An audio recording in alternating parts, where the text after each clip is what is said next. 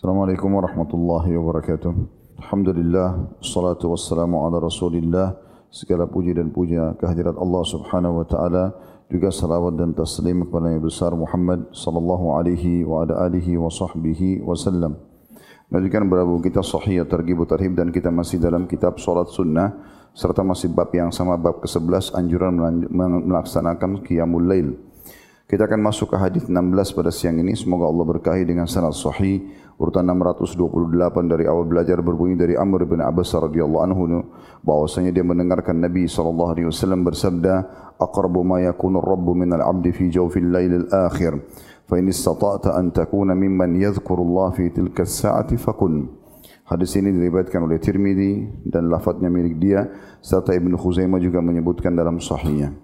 Terjemahannya, kata Nabi SAW, Allah paling dekat dari seorang hamba adalah pada waktu tengah malam yang terakhir.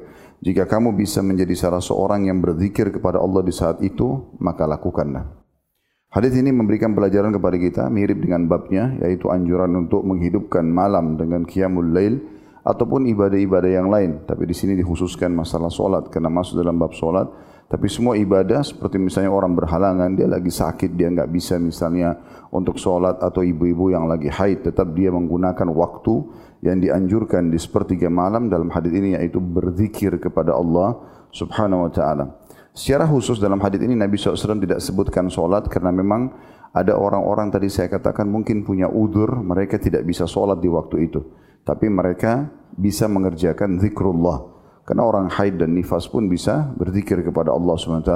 Orang yang sakit, demam, riang, mereka di sepertiga malam bisa berdoa agar disembuhkan atau punya masalah-masalah yang sedang mereka hadapi. Misalnya genting, berada di uh, kondisi lagi terjadi bencana, tidak memungkinkan mereka solat malam, mereka tetap bisa berzikir kepada Allah Subhanahu Wa Taala.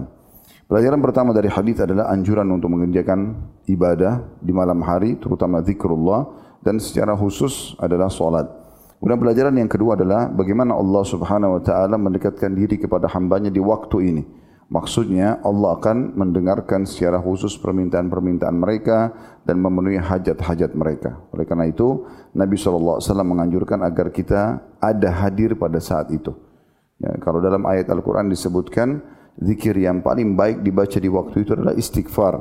Karena Allah mengatakan, wal mustakfirina bil ashar. Dan ciri-ciri hamba Allah yang dekat dengan Allah adalah orang yang suka beristighfar di waktu sahur. Maksudnya di waktu sepertiga malam itu.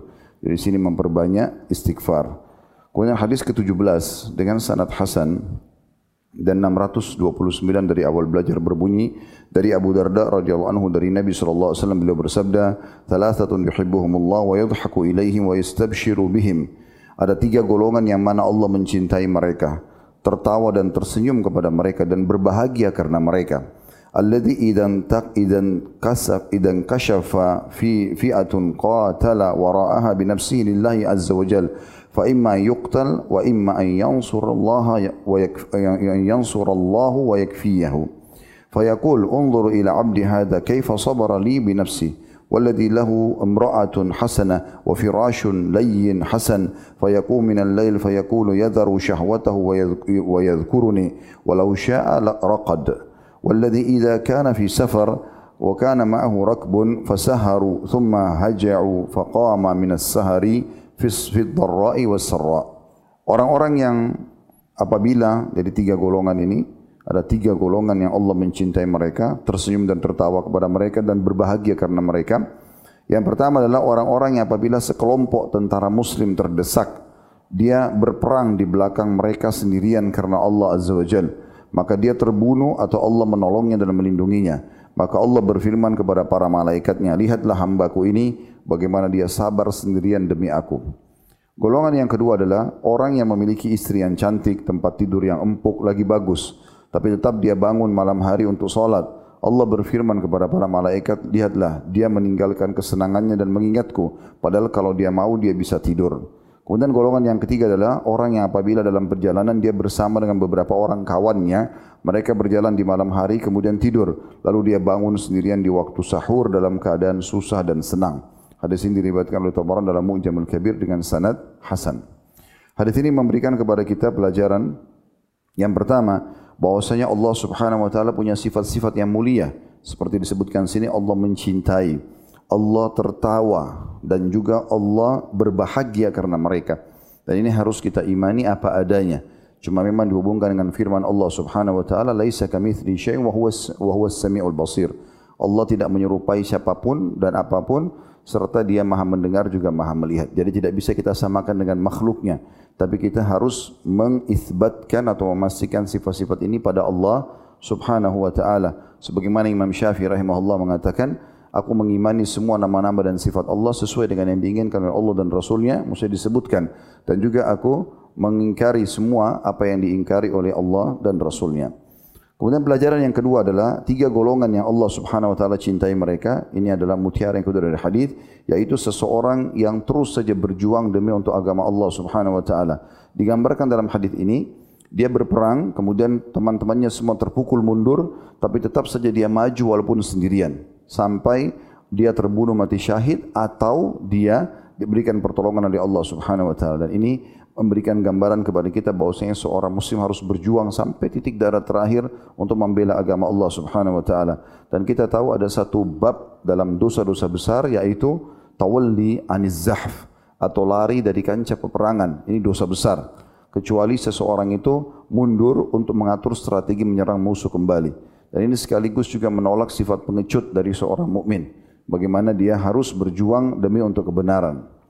Kemudian pelajaran yang ketiga, mutiara yang ketiga dari hadis, potongan kedua dari orang yang uh, atau keterangan tentang golongan kedua yang Allah cintai mereka, yaitu seseorang yang Allah karunia kepada dia seorang istri yang cantik, ranjang yang empuk, namun tetap saja dia bangun untuk malam, kemudian dia meninggalkan syahwat-syahwatnya tadi. Bisa tidur berpelukan sama istrinya, bisa biologis, bisa juga tetap tidur menikmati ranjangnya, tapi dia bangun untuk mengerjakan solat. Kemudian yang ketiga, dan ini menandakan tentu mendahulukan ibadah di malam hari ini itu lebih didahulukan dari aktivitas yang lainnya termasuk tidur. Ini juga Allah puji dalam firman yang lain, tatajafa junubu anil madaji' yad'una rabbahum khaufan wa tama'an mimma razaqnahum yunfikun dalam surah As-Sajdah. Lambung-lambung mereka jauh dari tempat-tempat tidur mereka, mereka memohon kepada kami penuh dengan rasa tamak terhadap rahmat Allah dan takut akan azab Allah. Ya. Kemudian golongan yang terakhir, yang ketiga dan ini adalah mutiara yang keempat dari hadis adalah seseorang yang dalam perjalanan kemudian teman-temannya semua tidur di malam hari tapi dia tetap bangun untuk mengerjakan solat di waktu sahur. Dan ini berarti dari tiga golongan ini ada dua golongan yang disebutkan berhubungan dengan solat malam. Kalau tadi meninggalkan istri dan ranjang, kalau ini adalah dalam kondisi capek, letih, perjalanan jauh, temannya semua ketiduran, tetap saja dia gunakan waktu itu tanpa ada beban mengatakan saya belum tidur atau tidur saya masih kurang tetap saja dia mengerjakan solat malam dan ini menandakan memang solat malam sangat ditekankan sekali dan ini dapat mengundang cinta Allah Subhanahu wa taala. Sampai sini bahasannya insyaallah dan kedepannya kita akan lanjutkan hadis ke-18. Semoga bermanfaat. Subhanakallahumma bihamdika asyhadu an la ilaha illa anta astaghfiruka wa atubu ilaik. Wassalamualaikum warahmatullahi wabarakatuh.